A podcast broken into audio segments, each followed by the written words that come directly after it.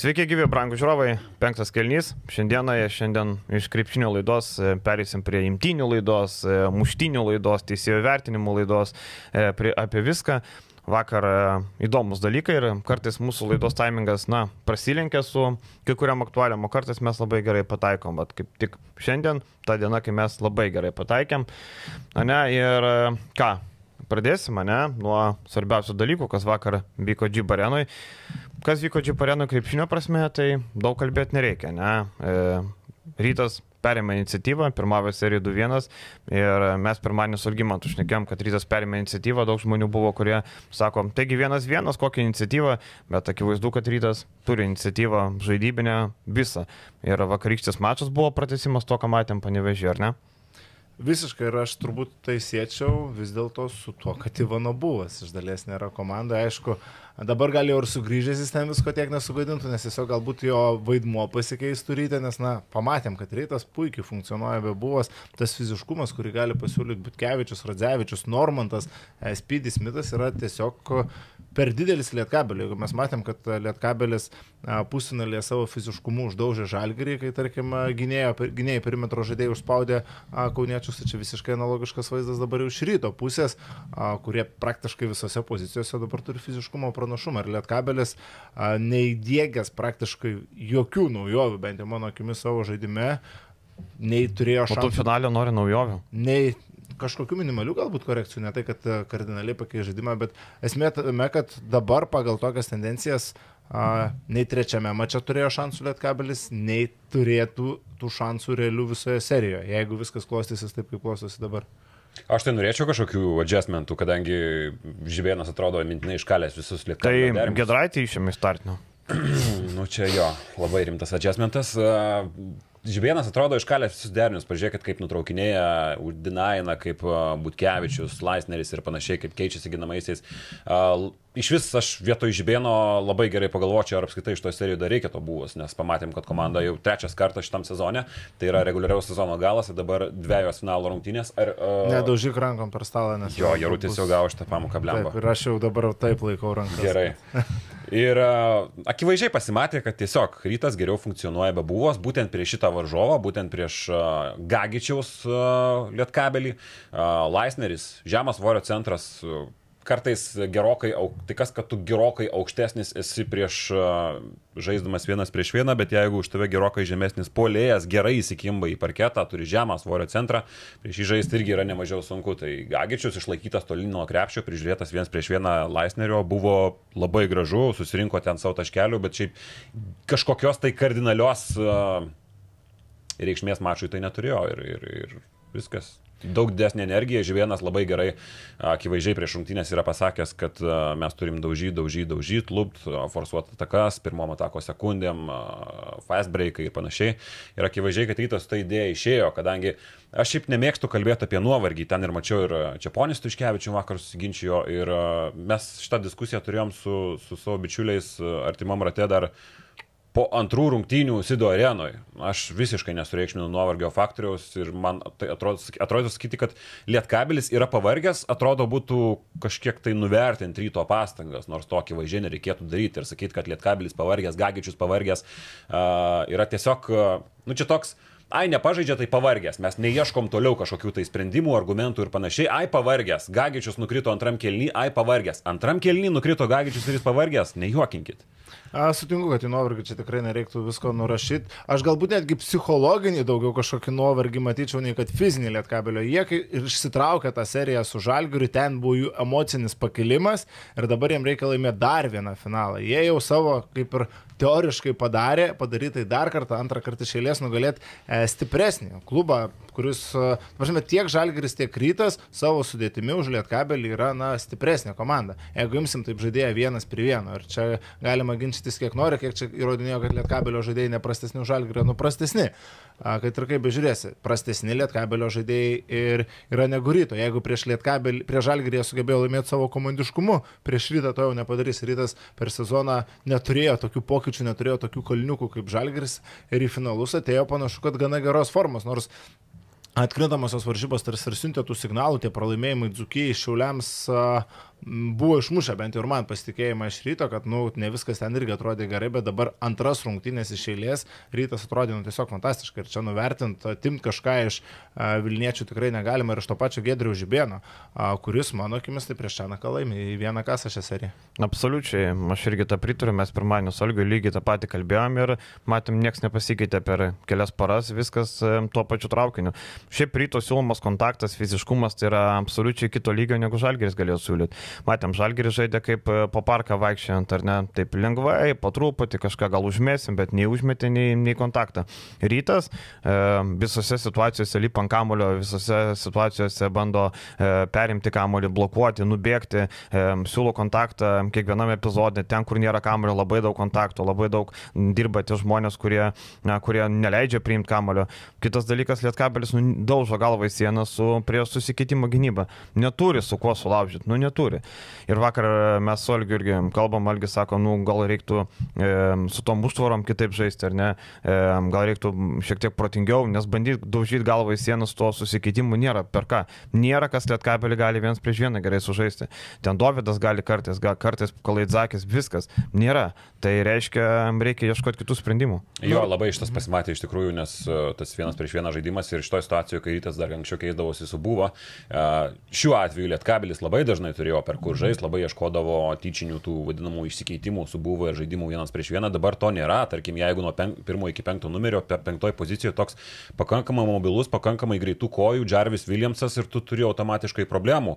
Automatiškai nėra kam draskyti, nėra kam ir tritaškius, mes, mes kalbėkim dabar apie Gediminą Oreliką, apie jį garsiai reikia kalbėti, nes be Oreliko tokia riboto talento komanda kaip Lietkabelis, nu jį negali laimėti. Visos serijos sudėsim, jeigu naudingumą, šitas žmogus turi minus 6. Čia yra visiškas košmaras, 0 iš 10 tritaškiai, tai yra visiškai katastrofiškas uh, Oreliko pasirodymas. Tiek gynyboje, gynyboje jis niekada nebuvo geras, bet šį sezoną jis su kaupu viską kompensavo puolime. Puolimo nėra, nepataiko laisvas, nepataiko per rankas, nėra judėjimo be kamulio, nėra stabilumo, nėra nieko. Oreliko šitoje serijoje nėra, jis netėjo. Liko kažkur turbūt dar pusfinalio rungtynėse ir, a, sakai, gynyba, tarkim, galima pro praštų žiūrėti, nu, bet, okei, okay, kažkiek galima, bet kai tave antrose serijos rungtynėse, nu, visiškai sudaužo Lukas Uleckas, taip, Lukas Uleckas žaidė geras rungtynės, šiandien irgi nereikia atimti iš jo nuopelnų, Nu, bet toks Gediminas Urelkis vis tiek galėtų kažką pasiūlyti gynybai prieš Luką Ulecką ir jau visiškai nieko nebegali. Kažkiek gal yra, a, nežinau, noros tokio kovoti atidirbti gynyboje. Jeigu ryte mušosi gynyboje visi, visi nori lūptis, tai Gediminas Urelkas to noro neparodo net prie savo krepšio. Tarkim, okay, neina polimas, bet gynyboje kažką galėtų duoti daugiau.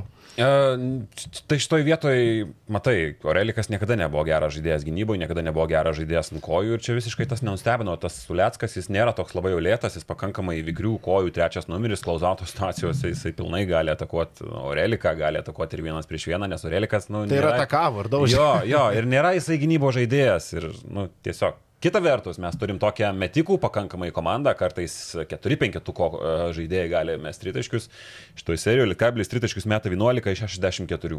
Sudėjus visus metimus. Tai yra katastrofa visiška. Jo, bet pažiūrėkime metimų selekciją, tarkim, ir apie žalgirį galima kalbėti. Va, dabar prieš šiaulius jau pataiko, prieš lietkabelį nepataikė. Tu jo, nes metimai visiškai kitokie, susikurtos progos visiškai kitokios. Prieš lietkabelį žalgiris metė sunkius metimus ir natūralu, kad tas procentas vienose rungtynėse tragiškas, kitose šiek tiek geresnis. Panašiai ir su lietkabeliu. Su žalgiriu jie susikurdavo progų, e, kitose LKL mačas net Europos taurėje turėdavo gana neblogų šansų, galų gale įsibėgėdavo, tada jau sukrisdavo ir sudėtingesni metimai, rytas jos mauga ir tie 2 iš 22 nėra atsitiktinumas, okei, okay, galėtų būti 5, 6 iš 22, bet e, matant metimų selekciją, kokius metimus priverstas mesti tas pats Orelikas, prametęs visus 10, nu tai yra dėsninga, kad e, lietkabelis meta taip prastai.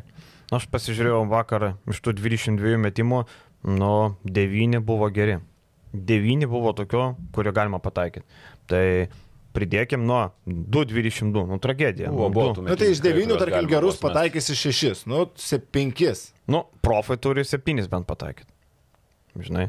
E, bet e, ne apie tai esmė, apie Aureliką, tarkim, e, jisai atrodo įsimušęs ir kai tam neina kortą, tu nori kuo greičiau e, atsidaryti, nori padaryti kažką, kad čia įgyti pasitikėjimą, kartais jisai forsuoja su metimais ir e, nieko gero prie to nepriveda, aišku. Tai Man atrodo, kad šiaip Lietkabelis yra ta komanda, kur jeigu gynyboje sustovi, tada polime lengviau. Čia dabar gynyboje nesustovi ir polime neina tas polimas. Nu, tu daryk, ką nori ir aišku, polime kaip tu galėjai, kai tu nu, neturi kaip apžaisti. E, tie visi, kaip sakai, deriniai vieni, kitų, vieni kitus labai gerai žino, ten nieko naujo nebeišrasi. E, tai, nu, tendencija tokia, kad rytas dabar yra, kaip sakant, vairuotojo sėdinį laimė titulą. Ir ne vien dėl to, kad pirmavo 2-1. Apskritai, pagal žaidimą, pagal tai, kas vyksta, jeigu vakar nebūtų buvę to incidento, šiandien atėtume, sakytume, nu, ką, apie rungtynės nėra ką kalbėti. Nu, rytas geresnio komandos šiuo metu serijoje.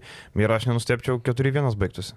Visiškai, ta prasme, tai jeigu lietkabelis neužsikabins dabar ant to emocijų pliūpsnių, kuris gali nu padėti, iš tikrųjų, ketvirtosios rungtynėse panevežė, tai nu, viskas serija baigta, sakykime, tiesiai šviesiai. 3-1 grįžti, 1-3 grįžti Vilnių, nu, teoriniai šansai būtų dar pratešti tą seriją, užsigelbėti joje praktiškai neįmanoma. Tai lietkabeliui dabar būtina užsikabinti ant to emocijų sprogimo, kad išlygintų serijos rezultatą ir tai, mano nuomonė, jau nebe atiduotas atgal namų aikštės pranašumas, kurį buvo pasiemę panevežėčiai, pralošta dar ir uh, varžovo aikštėje ir dabar jau už tų šansų lietkabeliui pasimti seriją, nu, mano akimis, gana nedaug. Šiandien dar pertikrinau ryte, ar kažkas yra iš 1-3 išlipę, kaip kad gali būti po šeštadienio rungtinių, tai niekada niekas LKL finalo serijose nėra išlipęs iš 1-3.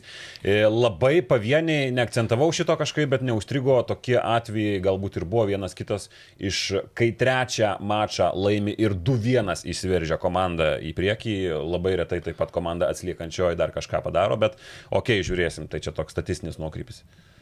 Bilius toks pasikaustas atėjo toks. Pasižiūrėjęs. Aš skiriau laiko. Praeitą, praeitą savaitę praskipino, tai dabar sako, reikia grįžti. tai aš visą savaitę vargau savo, pajūrį. Savo naudą reikia parodyti, sako. Sako, reikia parodyti savo indėlį, ne? A, pas, paskaitė komentarus, kad Jorutis gražiai, kaip ten, ne, ne gražiai. Geras vyres, vyresnis. Žinau, per savaitę. Jo, bet šiaip, savaitę. jeigu kažkas mane tą pat, šiaip Jorutis fantastiškai išvaizdus vyras. Taip. Tai čia komplimentas man buvo. Jeigu jo metu taip atrodė, tai čia... Fantastika. Grįžtant prie, prie krepšinio, tai matėm daug, daug skirtingų nuomonių, e, kas buvo e, įvyko per tą konfliktą, ar ne. Vieni taip, kiti taip, bet e, krepšinio prasme, man atrodo, konfliktų negali būti jokių, jokių, negali būti dviprasmybių, čia viskas aišku. E, rytas buvo dviem galvom geresnė komanda, tai galima eiti prie, prie konfliktų, ar ne. Tai nuo ko viskas prasidėjo? Prasidėjo nuo to, kad teisėjai nekontroliavo rungtynių. Ir e, nors skirtumas buvo didelis, bet matėm, kad aistros vyrė jo papa, kaip sakant. Ten tuo metu buvo minus 15-16, Berzinis pasiema tą nesportą. Nu kam tu su tom malkūnėm ten ten darai, nu ką tu ten darai. Ir toliau kaitino Isras Gagičius. Šoka į akis, piktas, toliau. Orelikas, po kiekvieno epizodo šipsenėlės. Ir aš jau galvojau, kad ten jau tuoj, tuoj bus, bet negalvojau, kad jau taip bus blogai.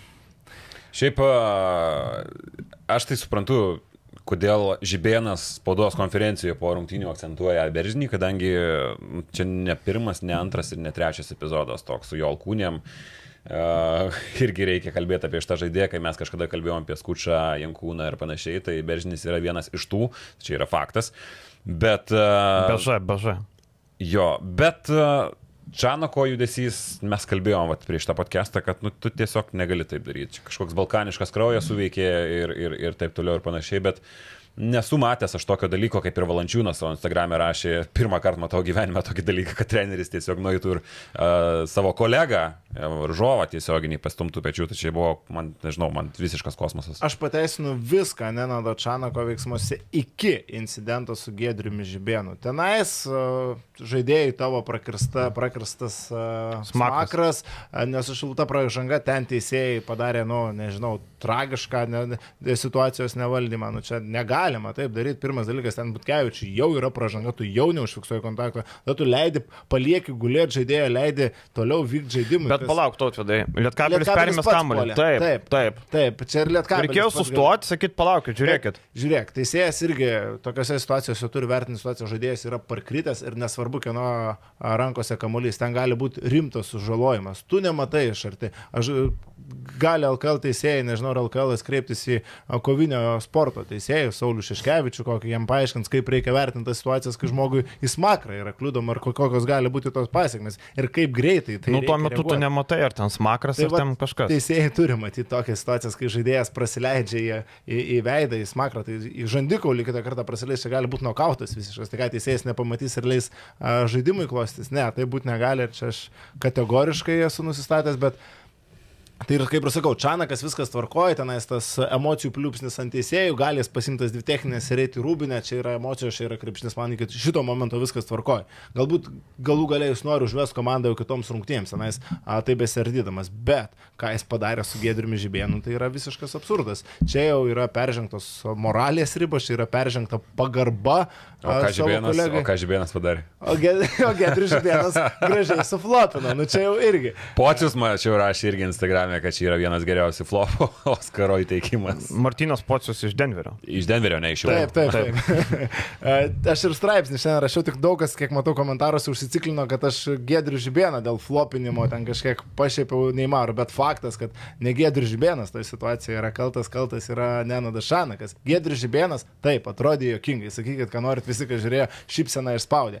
Čanako veiksmai ne šypseną išspaudė. Čanakas pasielgė, nu, kaip ir kalbėjome, atvirai pasakykime, moroziškai. Nu, tu negali pečių kliudyti, ar tai būtų varžovų žaidėjas, ar tai būtų treneris. Nu, nesidaro taip. Ir žinai, aš suprasčiau, kad Žibėnas padarytų kokį judesį link jo kažką. Žibėnas stovėjo, o taip, ir jisai praeidamas, va tiek, kirto, ne? Šiandien gal šešis kartus slow motion žiūrėjau, kiek buvo to kontakto, nu kontaktų buvo pakankamai. Aišku, ne tiek, kad ten atšokti, ten atgal, žinai, kristi, bet kontaktas buvo nemažas. Ir nežinau, aš taip nedaryčiau. Nežinau, e, Tarpsiu vieną dalyką, čia yra bad blood dar tarp šitų dviejų specialistų, kadangi prisiminkim tos rungtynės įdo arenoje. A, po to taimauto likus trims minutėms. Du taimautai du buvo. taimautai buvo. Labai nenadas buvo įpykęs ir pasibaigus mačui jie susikapojo su Gergu Dedu. Tai čia buvo vienas esminis akcentas, kad čia nėra atsitiktinumas. Įsiuto jau Čanakas dar panevežį. Tai nuo to reikia pradėti. O toliau matome, kaip į konfliktą jau iško, iško, bet iš Dariaus gudelio, tai tvarai prisipažinsiu, nesitikėjau tokio veiksmo. Akinukai tik tai, opa, nu dabar, ateik, Aš ateik. pažiūrėsiu, kaip tu mane pagausi, dabar akinius nusėmė ir... Jo, šiaip... bet gudeliui, aš nežinau, kam reikėjo ten loti iš tos tribūnos. Ne, nu, kam čia aš reikėjo? juokauju, faktas, Kam reikėjo? Bet pažiūrėkit, iki ko tas įgyvenam. E, Zavackas ramino gudelį. Tai va aš tą ir noriu pasakyti, Zavackas visą laiką, kaip jis būdavo krepšininkas, aš dar puikiai prisimenu, kaip jis žaidė Neptūne ir aš kažkur prienuose buvau. A, Su prienai žaidė Neptūnas, buvau atvažiavęs pažiūrėti. Ir sėdėjau visai netoli Zavatsko ir tu, kai tu girdi, ką viso mačo metu jisai loja ant teisėjų, ką jisai išneka, tu supranti, kad čia yra labai karštas žaidėjas, prisimeni tą visą jo karjerą, rytą ir panašiai visus tuos laikus. Ir dabar jį matai tokį. Jis toks šaltas, ramus žmogus. Sumušė pitakais. Sumušo pitakais, viską nuramino Čanaką, atsiprašė, paskui vienas kito išsiskirstė vyrai.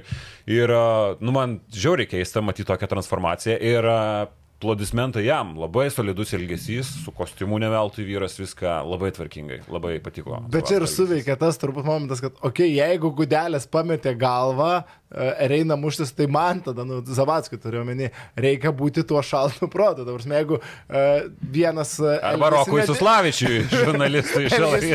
Je- Jeigu nėra apsaugos, tada Rokas Suslavičius turi imti apsauginio darbą. Nu, apsidairė žmogus, kad nėra apsauginių, kas išskirtų. Jisai buvo, bet apačioje ten stovėjo. Jis Bet jis taip ramiai stovėjo. Legendinis memas jau yra tapęs tas Ką, paveikslas. ką čia žmona man šiandien valgyt padarys? Taip labai ramiai. E, kitas epizodas e, dėl, to, dėl to konflikto, ar ne? E, kaip e, aikštėje atsidūrė Lietkabrio prezidentas Alvytas Biliauskas. Kaip jis priejo prie teisėjų. Čia vėl apie apsaugą kalbam. Su tašiuke. Taip, taip, taip. Kaip jis atsidūrė vidury aikštės prie teisėjų? Jūs man galite paaiškinti, aš nesuprantu šito. Jisai sėdėjo ten už, už krepšio, jisai praėjo visą suolelio zoną, praėjo, nieks nesustabdė, nieks nepriejo, nu negali jis ten būti. Tai, apsu, kad apsauga yra Jeep arenos problema, nu, čia yra dabar akivaizdu. Nu, dabar, nu, negali tokie dalykai dėtis LKL finalo rungtynėse. Ten kas nori, tas gali eiti į aikštę. Ten pitch invasioną padaryti va, galima lygiai taip pačiai kaip ir Anglijos uh, Premier lygos rungtynės. Ten kas nori, gali subėgti per, per 10 sekundžių į tą mačą ir jį nutraukti. Tai tokie dalykai, nu, garbės tikrai nedaro ir rytas turėjo rimta, rimčiau tam pasiruošti tokiai varžovas, ne žalgeris, čia netvyks a, š- 200 kauniečių, kurie galbūt kels kažkokias provokacijas, dar kažką, bet nu, tai vis tiek yra finalas, tai yra emocijos. Bet galima kuo bent jau pagirti, kad e, per tą visą šaršalą nepradėjo skristi daiktai. nepradėjo fanai verstis į aikštelę, nebuvo jokių fanų, galėjo, kaip pilna arena ryto fanų. Iš kitos pusės labai lengva pribėgti, nėra nei stendo nieko. Tik- Ten, nu, nei, nei Valdas Dambrauskas išbėgo Valdas mūsų. Dambrauskas, jeigu eitų muštis, čia jau būtų rimta situacija labai. Nu, tai bent e, tie gerai, kad fanai susitupėjo, nebuvo jokių ten, žinai, nes manau, kad būtų galėję ir skristi visokie žeptuvėliai ir taip toliau.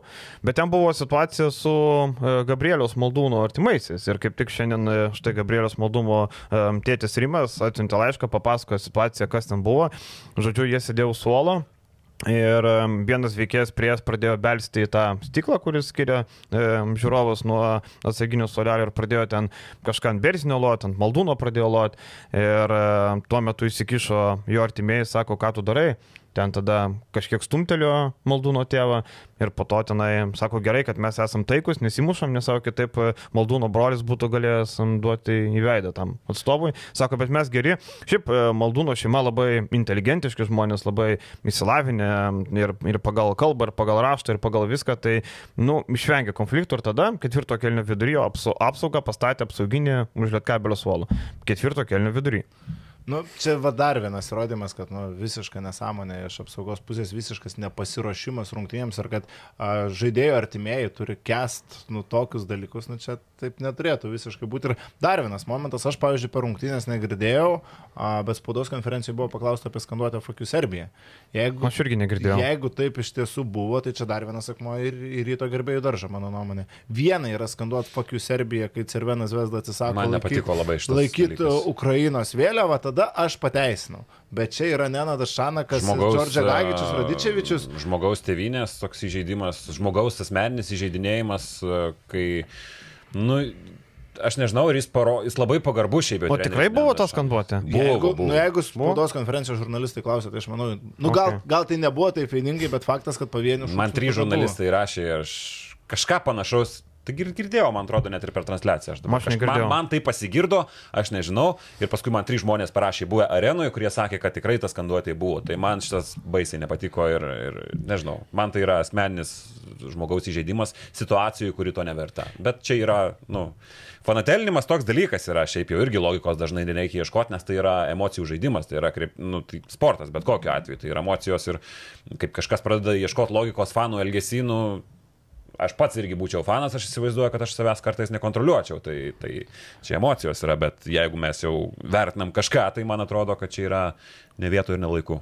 Jeigu Nenadas Šanakas išstotų tą temą kažką ar pasisakytų, kaip čia Ukrainoje karas nevyksta ar kažką tokio, aš būsiu pats pirmas, kuris a, sakys, kad viskas čia tvarkoja ir, ir taip toliau, bet mes negalim daryti interpretacijų vien pagal žmogaus tautybę. Nenadas Šanakas niekarto nepasisakė šitą temą kažkaip, kad nusipelnytų a, tokio judesio jo atžvilgio vien dėl to, kad jis serbas, nu, taip elgtis tikrai, tikrai negalima, jo labiau yra ir Džordžia Gagičius, Radičevičius irgi. Nu, bu, atsimenu, kaip tik prasidėjo tie įvykiai Ukrainoje ir pirmas rungtynės LKL, kurios vyko, buvo panevežėje. Dabar nepasakysiu, ko žaidė Lietkabelis, su Prienis, gal ar Taip, su Jonava. su Prienais. Ir nu, okei, okay, tai buvo Ukrainos vėliavos, tai buvo Ne, Ukraina, su Jonava, sorry. a, Ukrainos himnas a, prieš rungtynės. Bet čia LKL iniciatyva. Taip, LKL iniciatyva, bet nu, a, žaidėjai tai laikė ir tos transparantus ir viską darė, ką reikėjo. Ir tas pats Šanakas, tai jeigu jis jau būtų ten labai prieš, tai turbūt būtų nesutikęs, sakytų, nedarykit, nepainiokit sporto su politika. To nebuvo ir mes neturim teisės pasilikti vietos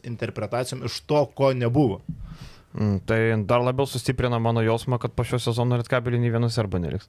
Aš jau tai sakiau prieš kokį mėnesį ar pusantrą, po vakar aš dar labiau sustiprina. Tarkim, e, nenadu atveju, nematau, kodėl čia likti. Nematau absoliučiai. Ir e, manau, kad e, visi trys susivinios meškerės. Radičiaučius vinios taip ir taip. Radičevičius nereikia. Tragedija, Panevėžy, bet tragedija, atveju, tragedija, prasme, labai. Ypatingai jaučiasi, jeigu aš kalbėjau apie tai, kad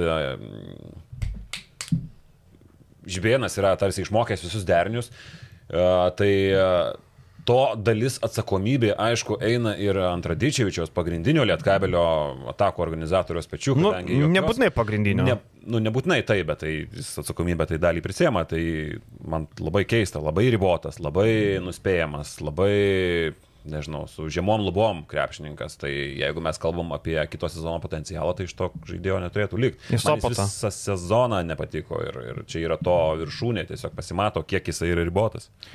O kaip manat, kiek Gediminas Urelikas nusimušo savo kainą ar savo akciją šios serijos metu? Nemanau, kad daug. Nedaug. Nemanau, kad daug. Aišku, žinai, stipresnės komandos, kurios norės rašytis, gal pasižiūrės, kas čia finalė dedasi. Bet e, du trys, keturi, nu negali apspręsti tavo viso sezono pasirodymų. Lygiai taip pat, kaip nežinau, ten ar dabar, ar dabar čia Lukas Uleckas tapo geresnių žaidėjų, negu buvo viso sezono metu. Irgi turbūt ne, ne. Tai man atrodo, kad nelabai čia kažką numuš. Daugiau, žinai, daugiau man atrodo tai parodo, kad gal Relikas nesijaučia labai gerai. Gal yra, nes realiai viso sezono metu buvo. Tai tas skauda, tai nas skauda, tai trečia. Tai čia gali būti viena iš tų priežasčių. Gal tada galima pažiūrėti iš tos situacijos, kad jis turėjo galimybę dar labiau pasikelti tą savo kainą. Vis dėlto LKL finalas, nu yra LKL finalas. Manau, ir kitiems klubams tai sudaro kažkokį įspūdį. Jeigu tu tapsi LKL čempionu, būdamas Panevižė Lietkabelio lyderiu, nu, kažkiek bonuso tikrai pridės prie tavo tos kontrakto sumos. Kažkiek pridės, bet iš esmės kainą jis jau yra pasidaręs per visą sezono dalį. Tai, tai ir atkreipė visą laiką dėmesį klubai, dar nenustepčiau, kad jau jisai kalbasi su kažkuo, tai čia irgi matysim šitą. Bet uh, net jau, kad čia didelės įtakos turės. Jo, kaip tu sakai, bonusas kažkoks galėtų būti uh, prie kontrakto būsimo, ar ne? Ko gero paskutinio geriausiojo karjeros kontrakto, bet iš esmės nelabai. Kaip galvojat, uh, tie teisėjai, Jesevičius, Račys, Šūkys, dirbs dar Lietkabelio ir Rykto seriją? Aš manau, kad nebe.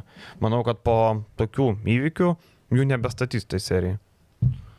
A, sunku, sunku vertinti, bet a, mm, vien tas epizodas, manau, tikrai turi susilaukti LKL akivaizdžios a, reakcijos, turi susilaukti analizės, kas buvo padaryta ne taip, kur buvo padarytos visos klaidos, o ne tik a, pap, nur, nurodytas punktas, kaip atsimenu, kažkurioje ten situacijoje buvo, kad a, situacija vertinama va šito punktų ir viskas. Ne, čia turi būti išanalizuota, kiek buvo grėsmės, kiek, buvo, kiek turėjo įtakos tas epizodas ir taip toliau. Aš- Realiai labai daug įtakos. Taip. Žinai, ten tos emocijos, tarkim, galim suprasti, kodėl e, Orelikas, Gagičius, Čanakas paleido, kaip sakant, badelės. Nes kitam nesiseka, tu pralaimi daužo tave ar ne, tu nebeturi šansų realiai po antro kelnio vidury, akivaizdu, kad tau nebelaiko nervai, ne, tu pradedi pykti ant viso pasaulio.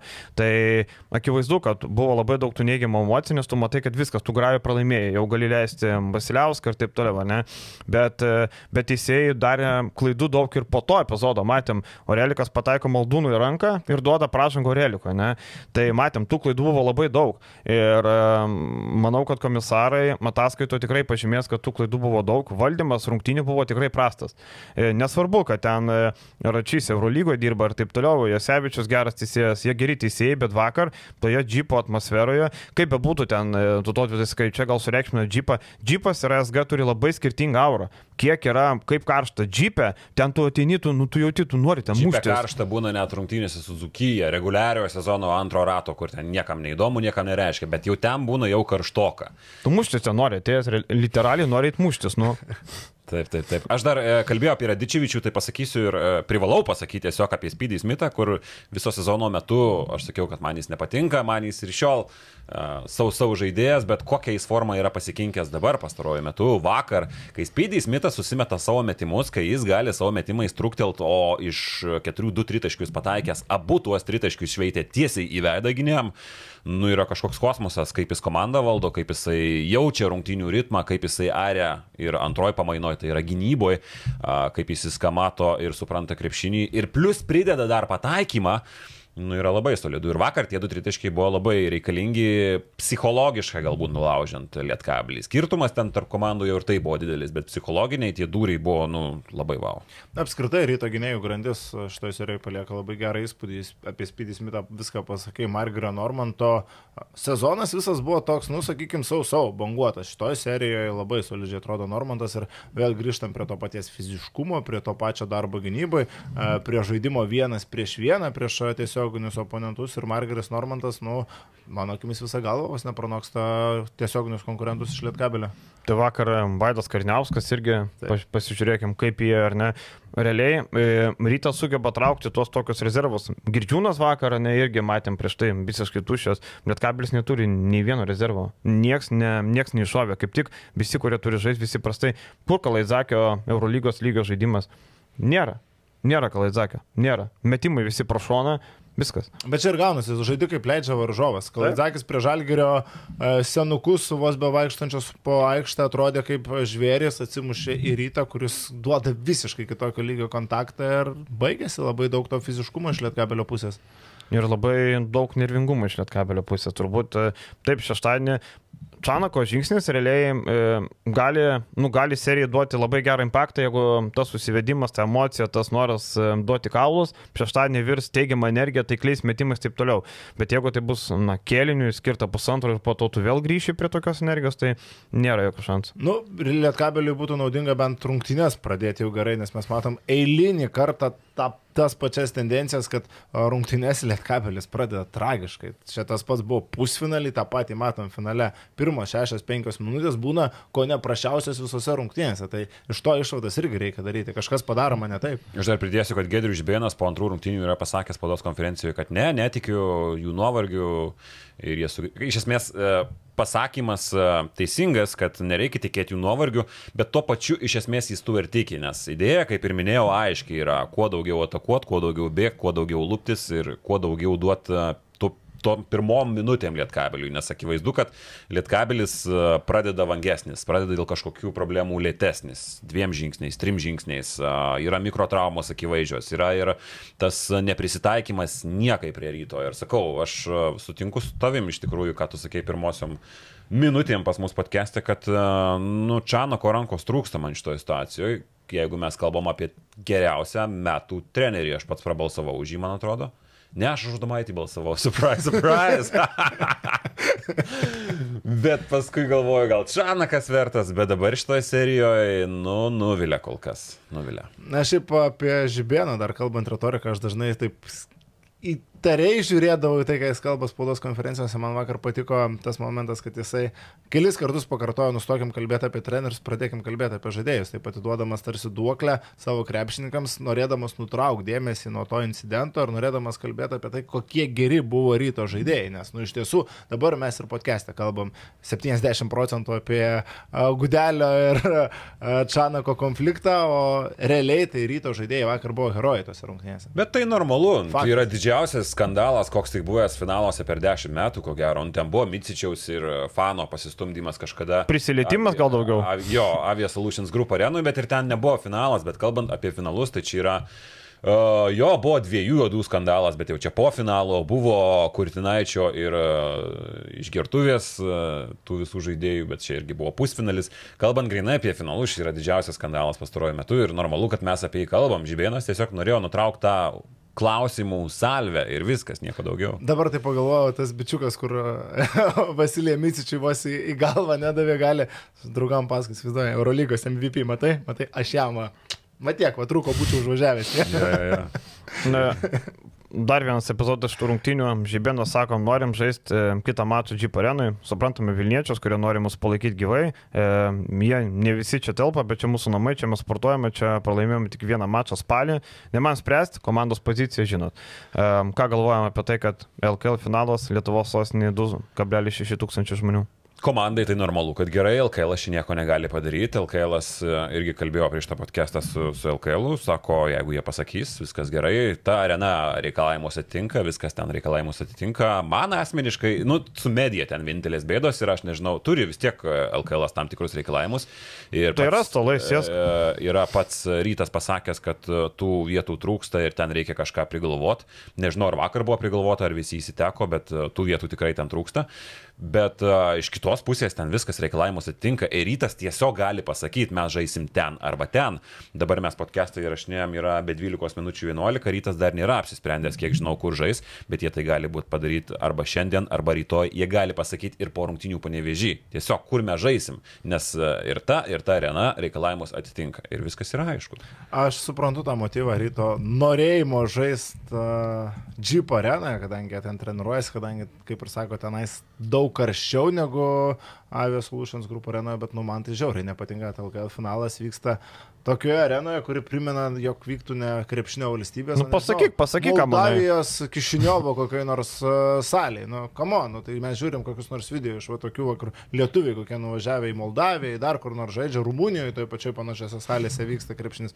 Nublemba, nu neturėtų tai būti Lietuvos sostinė Vilnius ir 2,5 tūkstančio Antalpinant arena, mes čia grįžtame į 2000-osius, nu negalima, negalima taip kristi lygos prestižui, kad toks finalas, tokia serija, reitingai, belė kokie, LKL ant piedės stalo vaikšto, o lemiami mačai vyksta dvi, prie 2,5 tūkstančio žiūrovų ir vėlgi, oi čia soldautas, soldautas, nu jezau, Jankūno atsisveikinimą atėjo tokie 15 tūkstančių, bet irgi 2000, tai čia dabar džiaugtis reikia, nu ne, 2000 Lietuvos krepšinio mastais, kad ir kokioje arenoje yra žiauriai mažai ir žiauriai grūdų skaičius. Žinai, man atrodo, aš irgi suprantu argumentus, jie labai gerai žaidžia to arenui, labai, labai užtikrinti ten. O jie iš tikrųjų tik kartą pralaimėjo šiais metais? Mhm. Geras. Nu, tai Jo. rimtų varžybų jie ten nelabai žaidė. taip, taip, matai. Taip. Tai, bet man atrodo, kad jeigu tu nori tapti čempionu, nu, tai tu laimėk to SG arenui. Nu, dabar jeigu, tarkim, rytas šeštadienį laimi panevežė, ne, tai manau, kad į tas rungtynės, kur gali teoriškai baigtis sezonas, ateitų daugiau žmonių negu ten 6000. Bent jau aštuoni tai turėtų Taip. drąsiai. Nu, Tai tu padarysi šventę ir šiaip to arenui, nu, žmonėm patogiau. Nu, aš suprantu, dėl, dėl komandos, atmo- dėl, dėl akustikos, dėl visko, bet žmonėm ten yra gerokai patogiau. Ten ir daugiau gali kur nusipirkti, atsigaivinti, pavalgyti, daugiau erdvių, viskas, nu, nu nėra ką lyginti. Galų galėtų nusiųsti žinutę vienam klubui, apie kurį mes kalbėsim dar šiandieną, kad mes galim užpildyti šitą areną, kad mes esame įdomus Vilniuje, o įdomus ne tik dviem a, tūkstančiam gerbėjų. To irgi šiai dienai reikia ir parodyti, kad na, tai yra 10 tūkstančių bent žmonių, kurie yra pasiruošę ateiti į Vilniaus a, ryto lemiamas rungtynės su Lietkabeliu. Tokios žinutės miestui irgi ir savivaldybei reikia, kad na, klubas yra įdomus, o net ne a, žaidžia prie 2000 ir galių. Tai kas čia ir bus, jeigu Žalgris tada nuspręs, kad mums blemba garliavoje visai smagu žaisti, tenais visai gera atmosfera, a, karšta varžovam trukdo, tai žaiskime LKL mačius irgi visus garliavoje. Nu, tai ar mes link to norim, kad eitų Lietuvos krepšinis? Aš tai irgi jo labai norėčiau, kad, Kad garliavoje žaistų kad Žalgiris. būtų sprendimas priimtas, kad žaistų SG arenai, nes čia geras kampas, vėlgi lygi- prie naujo klubo, žiūrėk, mes turim ilgametės Vilniaus tradiciją, žiūrėk, pas mus ateina žiūrovai, pas mus mes finale, mes imsim čempionų titulą, pažiūrėk, kiek mūsų čia yra, ar ne, o čia užsidaryti savo mažam kaimelį, tam tikrais standartais kalbant, man labai prasta atrodo, nors aš šiaip suprantu klubą. Klubas ten ne tik to, kad gerą akustiką turi, klubas ten ir treniruojasi visą laiką, jie ten visą laiką būna. E, Man atrodo, rytoj nėra ko bijoti prieš Lietkablį žaisęs Garenui. Nu, suprantu, pralaimėjo tą pirmą mačą ir taip toliau, bet, bet dabartinė, su dabartinė tendencija tai nematau jokių, kodėl nežaisti SG Garenui. Kubė naujo klubo reklamą suksis jau.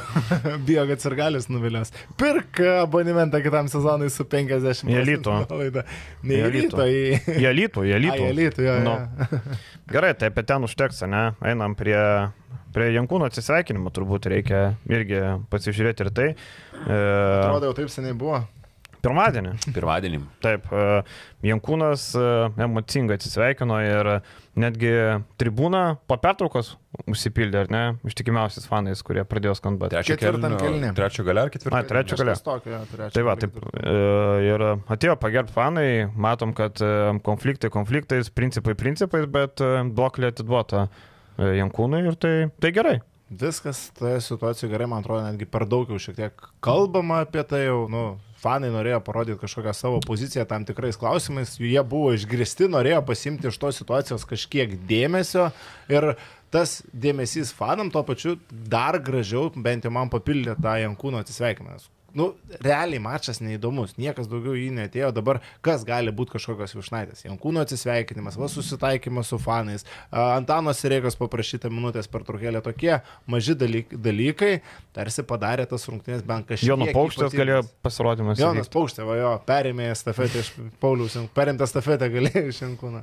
Man tai irgi, aš e, turiu tokią nuomonę, kad man tas, e, aš negaliu pasakyti, kad susireikšminimas, nes reikia pripažinti, kad e, fanai, va tu labai gerai žinai, nu, jie deda savo pinigus, deda savo laiką, deda savo jėgas, fantaziją, pasiruošimą kažkokį tom rungtynėm. Nu, jie labai daug duoda tai komandai ir jie yra tos komandos dalis.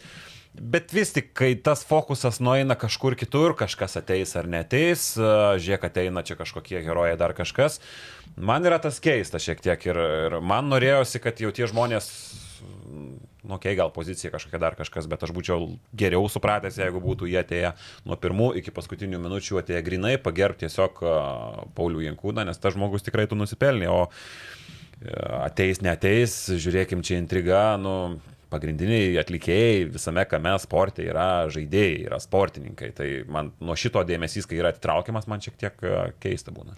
Galbūt aš dėl to visiškai nesiginčinu, čia, žinai, detalės, aš sakyčiau, kaip jie sugrįžo, kada jie sugrįžo, kodėl jie sugrįžo ketvirtam kelniui, čia jau tik jiem patiems žinot, bet man tai svarbiausia atrodo, kad vis tiek tas sugrįžimas įvyko ir ta šventė, tas pagerbimas Jankūno visai vykęs gavosi. Man tik man nepatinka gal vienas dalykas, daug kalbama apie fanai, čia išėjo, netėjo, ateis, neteis, bet nu 2000 žmonių, aš sakiau, kad ryto rungtynėse su Lietkabeliu man yra mažai, man yra mažai ir 2000. Atsiprašau, ten 2600, čia tik tai 200. 2, kem 3. 2 kem 3 net šimto nebuvo.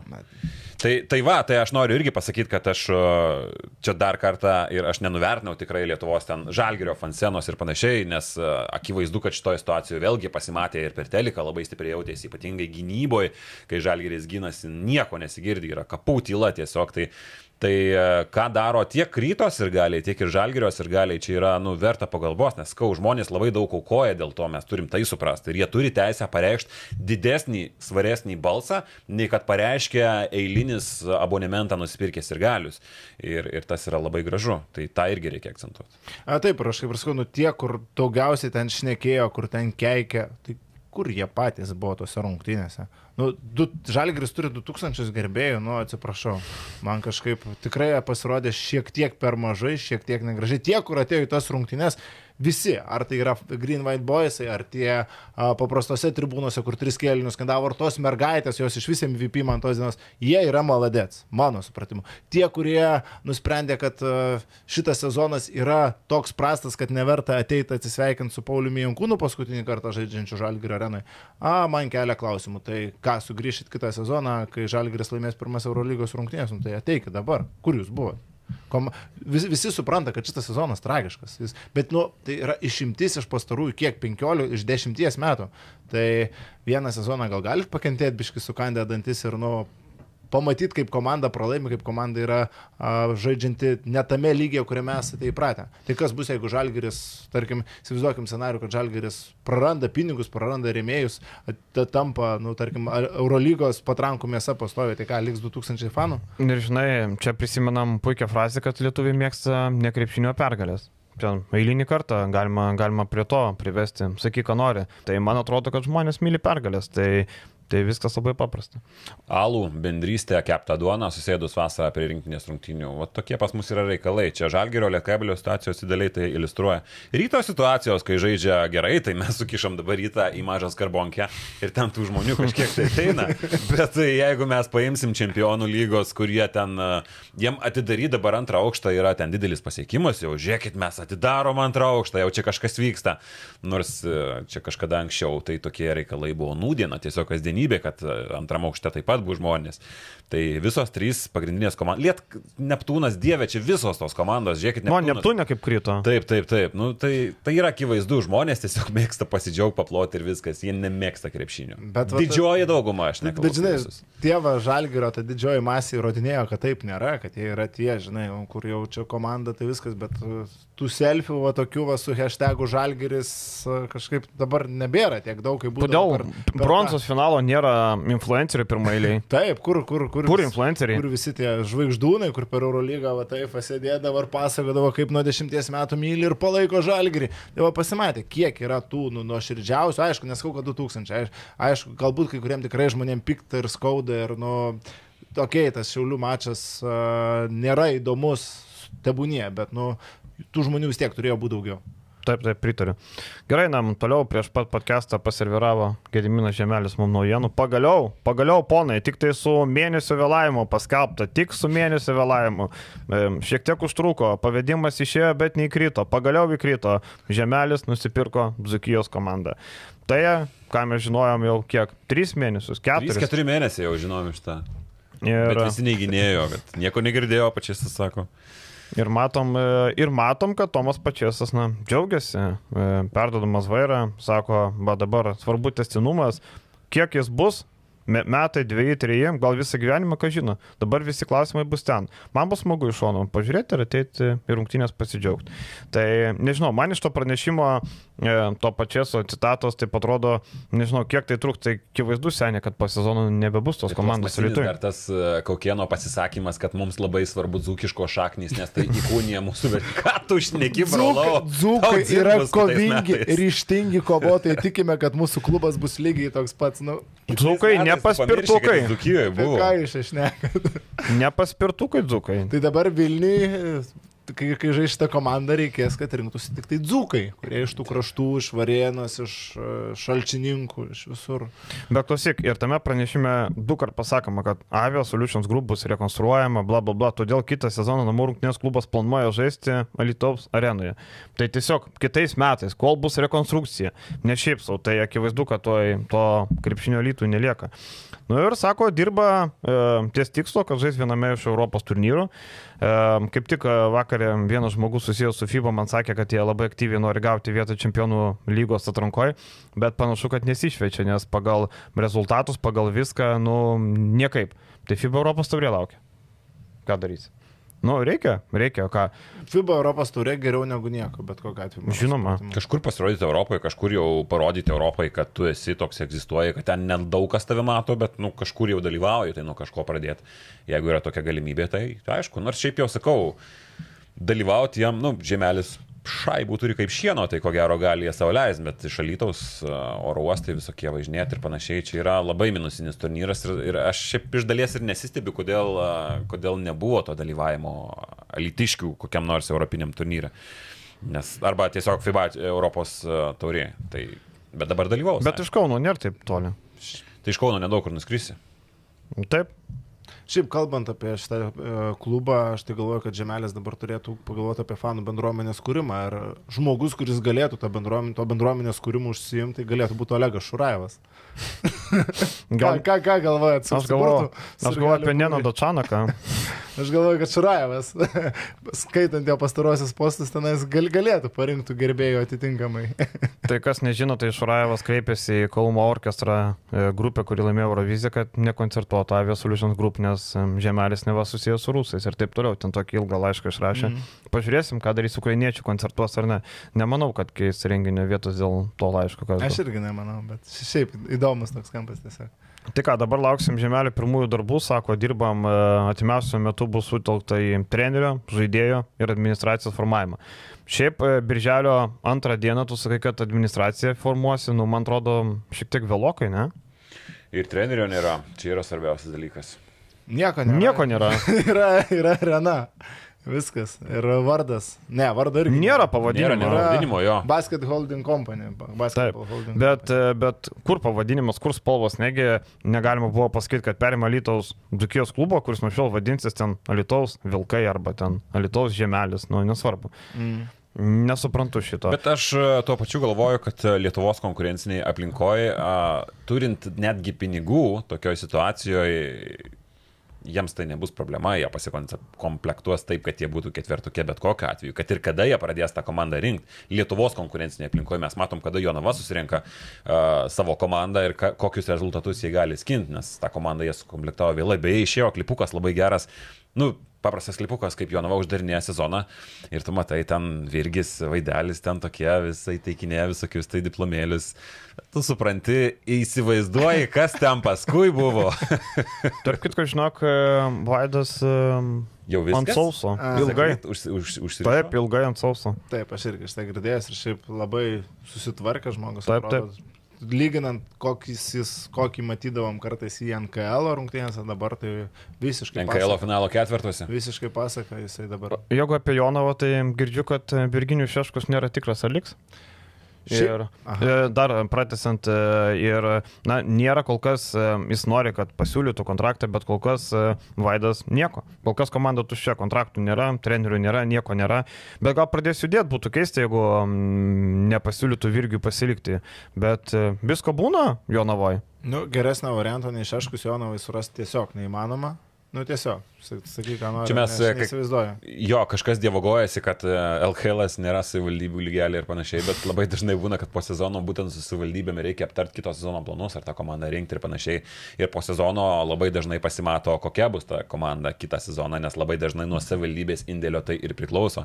Tai, tai čia irgi tie jeigu tu turi stiprų sponsorių kaip pieno žvaigždės, kurios Petrauską pasirašinėdavo iš karto vos nepasibaigus sezono arba dar prasitesnėdavo iš anksto, tai kada tu turi tikrą savo ateitį, tai taip, bet šiuo atveju nebūtinai galbūt taip yra. Aš ir dėl žemelio klubo irgi čia svarstam, nieko dar neturi administracijos žaidėjų, trenerių, bet kaip ir tu gerai pasakėjai, Lietuvoje metant pinigų, tokią sumą, kokią jie planuoja maždaug mesti, aš jau dabar galėčiau bet kuriam lažybų punktė 7bet, tarkim, uh, pastatyti, kad jie bus finaliniai. Konkurentus būtum paminėjęs.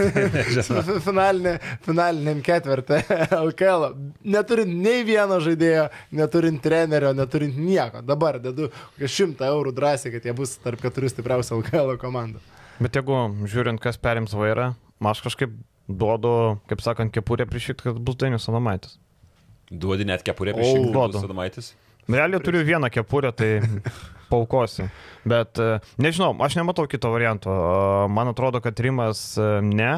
Kemzūro net nežinau, ar yra pasiūlyta, aš manau, kad Adomaitis, manau, kad Žemelio komandos sumokės ten tą išpirkėlį Neptūną ir pasims Adomaitį, kas būtų logiškiausias variantas. Jeigu Adomaitis nori Alytui padirbėti sezoną. Faktas, ir čia būtų, manau, labai labai įdomus įėjimas ir iš marketinginės pusės, aišku, tas klubo žais Alytui, ne Vilniui, bet Vilniuje Domaitis būtų jau figūra, jeigu ilgalaikis, tarkim. Nu, iš kontraktas. marketinginės pusės kurti imčiau labiau, jeigu kalbant apie Vilnių. Man tai Adomaitis irgi. Adomaitis. Kurti. aš Iš marketinginės pusės. Aš Adomaitį imčiau. Žiū- Žiūrint į kokią auditoriją tu taikai, aš Į senąją be jokio. Va, jie su Bružu kalbėjo kaip tik podcast'e, kad Vilnius yra toks, žinai, miesto klubas, kur Adomaitis toksai labiau, labiau, labiau. A, Kurtinaitis jisai tinkamas, nežinau, tokiems, nu, nežinau, kaip palyginti, bet, va, panevežio lietkabeliui labiau tinkamas Kurtinaitis nei kad Vilnius klubui. Čia žiūrint iš marketinginės tik tai pusės. Nežinau, aš tai į didžiasias ryto pergalės taikyčiausi ir, ir bandyčiau šimtis iš istorijos prisiviliodamas. Ne šimtis istorijos, ne taip pasakiau, bet tiesiog prisiviliot būsi į tų pergalių kalvį pas save. Tai, Bet Vilio to reikia rezultato. Kurtinaičio tai be įvaizdis abejo, be ir abejo, viskas aš yra gerokai smūkęs. Marketingą, aš paminėjau du kartus šito. Bet komandai rezultatai turbūt svarbiau. Tai Ne, aš Adomaitis. tai aišku, mes Aš tai iš marketinginės pusės tik tai irgi Taip, sakiau, taip, kad, taip. Jo. kad Adomaitis man atrodo gal net geresnis. Nežinau, man atrodo, jeigu Žemelis nori duoti Adomaičiui trijų metų kontraktą ir važiuoja, o ką, tau mažai trijų metų. Manau, kad e, vis tiek, jeigu jie nori, e, gerai, kitą sezoną FIBA Europos turė, ten Alytus, bet dar po sezono tu persikelsi į Patį sostinę. Gudelį savo sodybai sakė apie kairį. Trys Taip. metai ir važiuojam, o ką, Taip. mažai? Tai va, gal kairį paims, ne? E, Bet, e, nu, realiai Domaitis dar turi tą išėjimo langą, bet jisai nori užsitikrinti savo ateitį birželio pradžioj. Tai aš galvoju, kad, e, kad jeigu per artimiausią savaitę nu, sujudės žemelis, tai perės. Jeigu ne, tai aš manau, kad liks toliau Domaitis. Bet man būtų labai keista, jeigu jie neįsivaizduoja, kad jie pasamdytų trenerių iš užsienio. Man kažkaip absoliučiai manau, kad daug trenerių iš užsienio geresnių bent jau, ne, nu labai įtariai žiūrėtų. Aš bent jau žiūrėčiau įtariai projektą, kuris vat, ką tik startuoja, čia mes Alytų žaisime Europos taurę, čia mes toks, nežinau, man atrodo, turi būti vietinis treneris. Žiūrėk, ir, ir, ir dar vienas dalykas yra, kokienas yra žalės šitoje situacijoje. Jis niekada nėra rinkęs komandos, jis niekada mhm. nėra dylnė su ta komanda sezono metu. Ir tau reikia tikrai trenerio, kuris išmano šitą aplinką. Paimkim Adomaitį, tai jis tau ir patars, ir panaviguos tave sezono metu. Tai, į, o įsivaizduokim kitą variantą, kad ateina koks nors, tarkim, e, sakykim, treneris X, įsivaizduokim, kad tai yra Ilija Zūros. Ir jis ateina į šitą klubą ir jis absoliučiai nieko apie dabartinį LKL nežino. E, Tai yra ir žalia klubo vadovybėje, nuo komunikacijos iki dir- direktorių, ir žalias e, treneris Lietuvoje nežinantis šitos rinkos. Nu, tai būtų labai blogai. Aš šiaip kalbėjom, kad Lietuva pergalių šalis, kad reikia laimėjimų ir žmonės ateis, manot, kad Alitui tų žmonių rinksis į šitą kom- šitos komandos Čia man yra didžiausia mislė, per kiek, kiek aš tu galvoju kažką apie šitą klubą, kadangi, žiūrėk, Alitui, Alitaus buvusi komanda parodė, kad ji yra neįdomi šitam miestui. E, Pergalė, sakykim, ir garsūs vardai Lietuvos krepšinio mastu ateis. Tai vad pasimatys dabar, ar Alitui bent jau kažkiek įdomu krepšinis ar ne. Kitas momentas, kiek alitiškiams yra įdomus krepšinis, kuris yra dirbtinis projektas, kadangi jis kitais metais yra išeinantis į Vilnių. Tai čia yra labai įdomu. Iš esmės, tas klubas, kurį, da- į kurio rungtynės jie dabar eitų žiūrėti, yra tam, kad sunaikintų jūsų miesto komandą, nes jūsų mieste LKL neliks su šito sezonu. taip. Tai dabar eit palaikyti tą komandą, pasižiūrėti ją, nu, nežinau, man kažkaip persipintų, turėtų persipinti alitiškiams jausmai. Aistruolio ten jokio nepritrauksi, tiesiog pritrauksi žmogų, kuriam įdomu krepšinis, kuris gyvena Alitui, kuris nori tiesiog pasižiūrėti, kaip žaidžia, tarkim, Adas Iškevičius, žiūrisi, Dainius Adamaitis, dar kažkas. Tai šitos realiausios pavardės. Tai taip. Atsimink, kažkada Alitųjų krepšinis buvo labai įdomus, kai Alitos laikai, medaliai ir taip toliau, tai šiaip Alitųjų krepšinį mėgsta žmonės. Apskritai, Lietuvos yra sportiškas labai miestas, Mhm. tenais ir tų pačių krepšininkų yra ir futbolas. stiprus, Rankinis labai yra. be abejo Taip, stiprus taip, taip, taip. Ėjimas greitasis labai stiprus, daug ten Litrabolas. Dabar net šitas tai turbūt. Pišius, pišius anegdotai. Pišius alitiškis, man atrodo. Mm, Pišius gali alitiškis, žinok, būt. nes kaip Zukas kalba. Gali būti nesiginčinu. Tai tiesiog Alytus sportiškas miestas ir jeigu tos klubas būtų apie Alytų, dar su, himnas būtų tas, žinot, Alytaus himnas. Su, na, aš nedainuosiu. Suveskit YouTube, žiauriai gražus, jis gruotų prieš kiekvienas rungtynės, tai Alytiškai tikrai mielai ateitų palaikyti tą komandą. O tai čia nesu paspirtukais? Ta... Ne, ne, ten su gaive bangelė nemune, nemune dainuoja. O pišius tai- gyvas dar ar ne? Tikrai nežinau. Nežinau. Nu, čia tau vėliau, kitam podcast'ui namų darbai įsiaiškinti. Trumpas e, vakar e, dar viena A licencijos Eurolygos komanda liko be finalo, Makabis. Tragiškai, minus 22. Lemiamą mačią namie. specialisto Aveveno vadovaujama ekipa.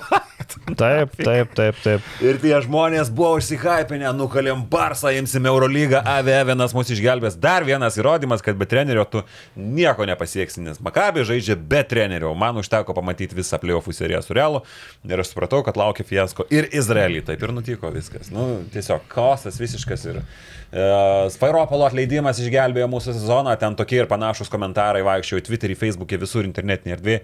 Žurnalistai net kai kurie rašė. Bet, e, nu, Hebra, kamon, Avevenas, nu. Nu, va, tai ir parodo, kad nu, negalima mėti taip trenerių vidury sezono ir taip švaistytis. Makabis iš to pralašė, Žalgeris iš to pralašė, nu, okei, okay, Monakas laimėjo, bet ir tai Monakas Ne, tai- buvo per vieną mažą žingsnelį nuo visiško fiasko Prancūzijoje. Bet jie pakeitė gerą trenerį. Taip, bet jie pakeitė gerų trenerių, čia irgi skirtumas. Aš noriu tą ir pasakyti, kad iš esmės, nu, tai nėra būtinai blogai, atsižvelgiant į tai, kokie pas tave reikalai, o akivaizdu, kad šiaip jau reikalai Makabijai buvo prasti. Netikėjo nei fanai, iš kurių ir generuoja didžiąją dalį pajamų, o Makabis netikėjo nei žaidėjai, panašu, to amerikoniško sudėtis. E, Bet tu turi žinot, kas eis po. Lygiai taip pat apie Žibėną mes kažkada kalbėjom, lygiai taip pat e, apie kitus trenerius, tu turi žinot kitus įėjimus savo. Tu nuimi, nuimi Šilerį ir pasirašai Zdovcą, nu nežinau, kaip ir nebuvo labai jau ten kritiškai blogai, bet nebuvo ir taip žymiai gerai, žinai. Ai, tik tai vat, vakar dar gimė, grįžtant prie ryto rungtinių, gimė tokia mintis, kad e, prisimenat, mes kalbėjom, e, kad e, Ivana buvo, ką, ką ten reikia ar ne. Ir prisimenu, kad sakiau, kad reikia nuimti nafik ir žiūrėti, kaip atrodys. Nu, tai atrodo gerai. Šaunuolis. Aš tai iš tos pusės maždaug ir pažiūrėjau, kad, ta prasme, apie trenerius, kad e, tu negali mes trenerio tiesiog vien tam, kad išmes pats išmetimas ir pakeitimas trenerio savaime rezultato neduoda, jeigu tu neturi geresnės opcijos. Čia pamatėm, kaip ir ir su Žalgiriu, ir su Vindelis Asvelis. Nu, ištraukė tikrai, ne Asvelis, Monakas ištraukė tikrai gerą specialistą, turbūt tokioje situacijoje, bet ir vėl. Monakas vos neprisidirbo, kaip ir sakiau, Prancūzijoje. Ten būtų buvę visai įdomu, kai komanda e, patenka į Eurolygos top 8 ir krenta Prancūzijos lygos ketvirtfinalį. Ten per porą, du mačius per porą metimų Maikas Džeimsas ištraukė. Spėk, e, kas yra Orenas Aharonė. Tai yra Makabi nugalėjusios komandos treneris ar vietinis dvasininkas. Taip, tai yra Makabi nugalėjęs treneris irgi. Pavardė nieko nesako. Bet sudėtis. Šiaip Aukštaugis ten yra geras, dabar užstrigo. Kinano Onuaku. Jo. Tai yra pasižymintis labai jokingų baudos metimų bobute, Taip. kai žaidė Houston Rockets komandoje. Šiaip e, komanda gera. Krisas Babas yra irgi puikiai žinomas. Taip, taip pat. Andy Van Vlytas yra, pri- pridėkime tai, Šiauliuose rungtyniavęs belgas, e, 10 taškų, 12 naudingumo balų vidurkis Izraelio lygoje. Tikrai Andy Van Vlytas e, gerai pritapo ir, ir bravo, bravo. O Makabiui Nikola Vučičiui reikia vėl spręsti. Spręsti rebusus, ką daryti, nes eilinį kartą apsišyko Nikola Vučičius. Geras krepšininkas, bet kaip džemas. Matom, Bet ir kokie sprendimai. Aš kad kardinalių permainų visoje sudėti visam, visame kame. Nu, arba užtenka gal trenerių pasamdyti kažkokį normalų, žinai, gal pridėti vieną kitą, nes, nu, ta sudėtis, nu, nėra tokia tragiška. Į tą klavietę, kur, kur buvo prieš Sfairopolą, prisimenu, ten keitėsi karuselį trenerių visiškas chaosas, klubas eina niekur, pastoviai nuo 14 iki 10 vietos, bet playoffai nesišviečia. Ir atėjo Sfairopolas, atėjo tvarka, tai aplinkai reikia tvarkos. E, e, Šimonas Mizrakis labai mėgsta amerikiečius, labai mėgsta amerikietišką sudėtį ir jisai pagal savo ideologiją, pagal savo idėjas, e, jis nori komandos, kuri yra greita, atletiška, žaidžia akiai patrauklų krepšinį. Tvarką jis labai dažnai aukoja. Tai uh, Svairopolas buvo tas treneris, kuris buvo balansas tarp tvarkos ir tokio laukinio individualistiško krepšinio. Uh, reikia to paties žmogaus ir tos dėrybos su Čiaviu Paskaliu, kurios jau pasak pranešimų yra nutrauktos, buvo sveikintinas dalykas, buvo įta gera kryptim, bet akivaizdu, kad neaišku, kur nueis.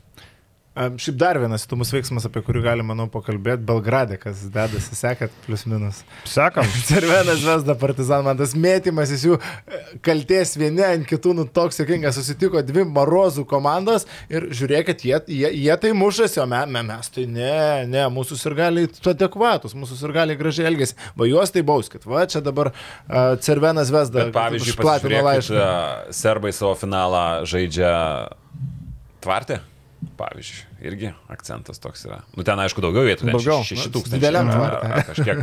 Bet ten yra, aš nežinau, jūs buvę ar ne, ten yra visiškas tvartas, ten iš išorės labai blogai, ten iš vidaus labai blogai, ten iš vidaus, jeigu eini koridorium leidėsi į apačią arba į viršų, ten yra tarsi statyvietė kažkokia, ten uh, lemputė kaip siaubo filme trukčioja, laukia laidai išvedžioti, suraizgyti, kažkaip sumazgyti, ten visiškas košmaras. Taip, ten yra istorinė jų salė, Aleksandro Nikoličiaus dar vis dar vadinasi, man atrodo. Uh -huh. uh, bet, bet šiaip tai... Bet geriau žinoma pionierių vardu. Bet jau geriau būtų žaistų kažkur kitur. Bet man tai čia įrodymas, nu ne tai, kad įrodymas, bet, nu, nereikia dviejų serbų komandų Eurolygai, kol jie t- O tokie. kas blogai?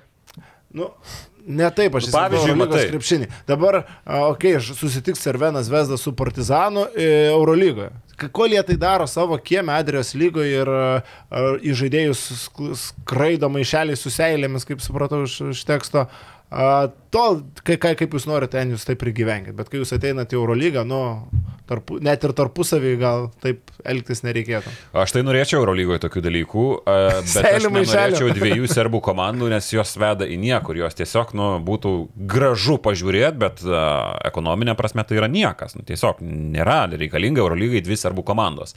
Tai dvi lietuvių komandos būtų lygiai tas pats, bet akiai patrauklus vaizdas tai būtų ir aš Aš norėčiau, kad Eurolygos kalendorius du kartus per reguliarųjį sezoną nusispalvintų tokiais mačais. Aš labai norėčiau, mums būtų apie ką pakalbėti ir Taip, panašiai. taip, Ir, drąsiai. E, Mario Hezonija visai nesiniai sakė, kad jis pasilgo, matyt, kokį judesį užkūrė gal tas Rajos fanai mm. serijoje su, su, su, su Anadolu Efes. Ten buvo fantastika. Tai Hezonija rašo, aš pasilgau tokių komandų kaip Galatas Rajus, kaip Partizanas Eurolygoj.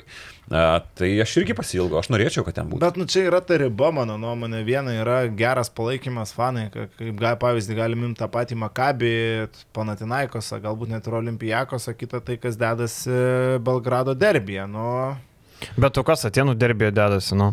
Kai yra Atėnų didelė- Dažniausiai vis tiek yra tas tinklas ištiesiamas. Tai žinai, kai žaistų kitos arenui būtų kitaip, kai nebūtų taip arti visi, ištiestų tinklą, manau, susitvarkytų, bijotų tų baudų. Ir taip ten bauda didelė, 62 tūkstančius tiek susimokėti. Tai šiaip yra didelė bauda, klubas yra bidnesnis negu Žalgeris, tai bauda pakankamai didoka. Tai man atrodo, kad man tai patinka krepšinė tokie dalykai, o ką, kai tu pats negauni per galvą, tai labai smagu pažiūrėti. Kol, nu. kol tik kiti gauna per galvą, tai visai nieko. O Želko Bradovičius lieka prie vairo, jeigu ir Adrijos lygos. e, Nebejoju, kad lieka. Nebejoju. Toks kontraktas, Ad- tokie, toks dėmesys, toks tikėjimas, tokia trenerio istorija, jis ten uh, Gal pats nenukrito nebenorės? meilė Želko Serbijoje, kiek uh, teko bendrauti su vienu serbų žurnalistu irgi. Nu, pagarba ten nėra, kad labai nukritus uh, Želko, nes ir šiaip reikia suprasti priežastis. Uh, tu gerai, tu turi tas kelias žvaigždutes, bet sudėtis lygesnė, sudėtis Nu, aš sakyčiau, geresnė yra Servenas Vesda, man atrodo. Plus priimkim tą Eurolygos patirtį visą kitą ir panašiai. Tai aš, aš netgi favoritu ir šiaip nuo startinių pozicijų, nuo 0-0. Toj dvikovoje laikyčiau Servenas Vesda vis dar nepridėjo tikrai tiek per vasarą Partizanas, jeigu vien tik ant popieriaus vertinsim sudėtim. Prieš sezoną aš būčiau, ta prasme, matant sudėtis tikrai Partizaną matęs kaip favoritą. Dabar sutinku, kad šiuo metu jau Cervenas Vesda yra favoritai, nepaisant to, kad ir pirmauja 2-1. A, bet aš pagalvoju, nebent iš tos pusės, kad gal pats Želko gali nebenorėti, bet nu, čia turbūt maža tikimybė. Nu, jis e, atėjo įsipareigojo, žinai, tai atėjo ne dėl vienerių metų. Šiaip žiūrint ant popieriaus, e, Partizano komanda yra labiau seksy, jeigu taip žiūrėt ant popieriaus, ne, nes Cervienas Vesda, nu kas tuo seksy, Augienas Dobričius, Neįdomi. Davido Vatsas. Kaliničius, vienintelis yra seksy žaidėjas. Nu, jau Kaliničius seksy žaidėjas, tai sorry. Nu, kodėl? Mm, Tavo fetišas man nepatinka. Nu, Euro- Eurolygos, Europos mastais, nu, tipo neseksy. Kaliničius. Žinomas e, žaidėjas, kurį nori sekti, kaip jam sekasi, galbūt taip. Žaidimo Bet į prasme, savo ne. komandą jo neimčiau. Nu, aš paimčiau į komandą, bet žaidimo prasme jis nėra akiai seksy labiausiai žaidėjas, bet yra tokie žinomi žaidėjai kaip Ostinas Holmsas, Neitas Voltersas, e, Davido Vatsas, Kuzmičius ir panašiai. Tai tų- Davido Vatsas jau seksy kaliničius. Ne, ne, ne, bet ta prasme, aš sakau, kad tų Europai žinomų gerai Taip, žaidėjų, ar ne? Nu, Panteris ir lydėjas labiau seksy negu. Kaliničius. Tai Nėra ką seksy žaidimo kalbėti. prasme, tai čia net nėra Tai va, kalbėti. tai va, tai ką aš ir kalbu. Kontraktų vertė, nu Kaliničiaus irgi kontraktas yra milžiniškas. Septynis su kapeikom. Nu tai taip, Labai tai yra daug. Milžiniški pinigai. Jo. Šiaip Cervena yra geriau, geriau kaip sakyti, fiziškesnė komanda. Yra labiau, aišku, Eurolygos nėra, ką lyginti Partizanas, yra dar tokių daug viščiukų, yra, kurie nepasiruošę tam lygiui. Bet Želko juos užaugint. Jeigu Želiko liks kitam sezonui, jis juos užaugins. Ta komanda tikrai turi potencialo. Lydėjus Panteris, pridėjus Lesortą, Lesortą pakeitus e, kitų žaidėjų, manau, turi gerą potencialą. Šiaip Lesoras gerai atvažiavo, gerai viskas buvo, bet kaip krito žemyn, taip ir krito. Dar vieną temą aš parašiau, norit Nu. ištrauksiu. Kaip vertinat Skatspachio out? Tai čia vadinamasis e, Zdovto scenarius. Prieš tai ir jį pakeičia treneris, kurį jis nugalėjo. Žonas Peniroja, bet e, šiaip e, Ispanijoje labai seniai šitas gandas buvo. Kiek, vad sakau, labai šį sezoną ten- tenka daug sekti Ispanų čempionatą, tai praktiškai... O ne, kodėl? Nežinau. Romano Burštino paklauskit. Uh, vieša paslaptis buvo Ispanijoje, kad Penjeroja gali dylinti ir turi kažkokį tai suokalbį su, su, su, su Baskonija. Tai, tai visiškai nenustebino, bet, uh, bet uh, šiek tiek net nežinau ar dėl to, ar ne dėl to, bet labiau užsivedęs Penjeroja buvo neįprastai, labai emocingas buvo visos tos serijos metu. Keikėsi, techninių gavo ten, siuntinėjo teisėjus, teisėjo motinas, tėvus ten. nu, Gal iš tų dviejų ne. O nepastumės pakijos? Ne, nepastumės mm. pachijos. Šiek tiek pagarbos daugiau nei pas mus, mūsųse. Tai va, tai nenustebino šitas labai. Šiaip turbūt žiūrint iš... Ai dar e, Čiūso vidurėtos buvo pavardė išlindus galiausiai, bet, bet jau buvo pakankamai aišku, kad su, su Penjeroje bus susitarta. Šiaip žiūrint iš tada Sidekerskio perspektyvos, tai turbūt pokyčiai yra geri, nes, nu, Spachė jį biškai soliuko galą nustumė.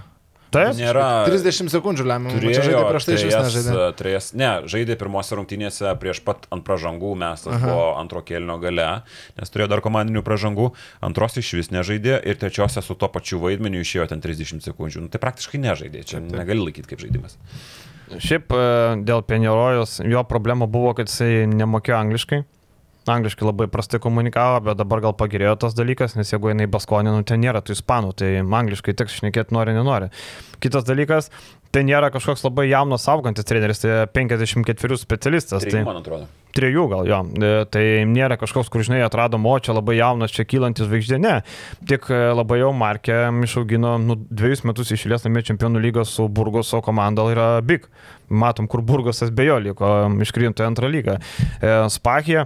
Šiaip Spakija, jeigu eiktų į Valenciją, Peneroja į Baskonį, nu, būtų labai toks įdomus apsikeitimas, ne? Bet man atrodo logiškas sprendimas. Spakija. Šiaip Spakija niekam nepatinka. Kiek aš esu girdėjęs apie Spakiją, jis kaip žmogus niekam nepatinka. Nežinau kodėl, bet tiesiog sako, jis toksai, sako, toks brustus, dažnai atrodo kartais per daug apie save gerai galvoja, kartais overfinkina apie dalykus. Pakankamai arogantiškas žmogus šiaip jau. Jo, tai e, Spakė realiai niekam nepatinka. Jonas Vainauskas irgi yra pasakos apie Spakę, kad ten yra, na, savotiškas veikėjas. Tai Ir man, uh, vat, dar pridėsiu su Peniroje, kad Nepaisant to, kad ketvirtfinalį iškrito Ispanijos lyga Endesa, man e, pakankamai patiko šitą komandą, ji buvo konkurencinga, be Hermonsonas iškrito, antroji pusė tam bandė dar spardintis, prie Peličiaus nėra be dviejų pagrindinių perimetro žaidėjų, šitą komandą spardėsi. Plus uh, Europos taurėno įtek į pusfinalio nusileista tik tai visą sezoną žaista labai solidžiai, dviem frontais, nes Ispanijoje užimta trečia vieta reguliarkiai. Uh, tada pusfinalį spardytas Virtusui, kuris vėliau tapo čempionu, visą sezoną žaidė labai kokybiškai, nepaisant to, kad prie Peličius iškrito gan anksti.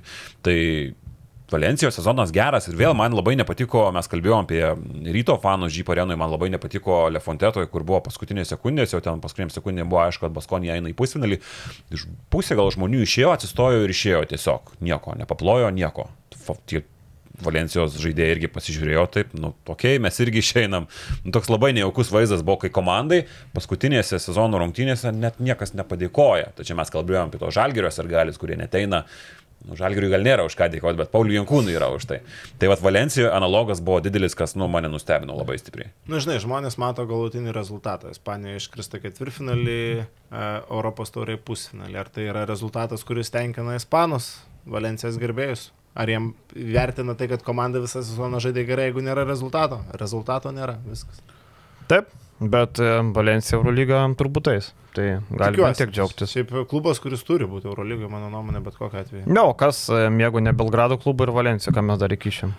Aš jeigu iš tų egzotinių, aš noriu Liublianos Olimpijos. Man Olimpija būtų įdomu, bet tu nekreipi galvos. Ei, tu, tu nori, kaip žiūrėt, tu nori žiūrėt, kaip mušasi Cervenas Vesdas su Partizanu. Aš noriu, kad Slovenija turėtų krepšinio šalis, turėtų klubą Eurolygų ir ten būtų 10 tūkstančių sirgalių, kurie galbūt nesispjaudo, nesimėto į žiūrovus, bet kuriems krepšinis rūpi, kurios, kurie gyvena krepšiniu ir kuriems būtų įdomu. Tada gal ir tas klubas, būdamas Eurolygoje, nu, jis pradėtų aukti. Nu, jisai ten neturi išteklių. Tai atsirastų gal daugiau išteklių, kai sužaistų Eurolygai porą sezonų.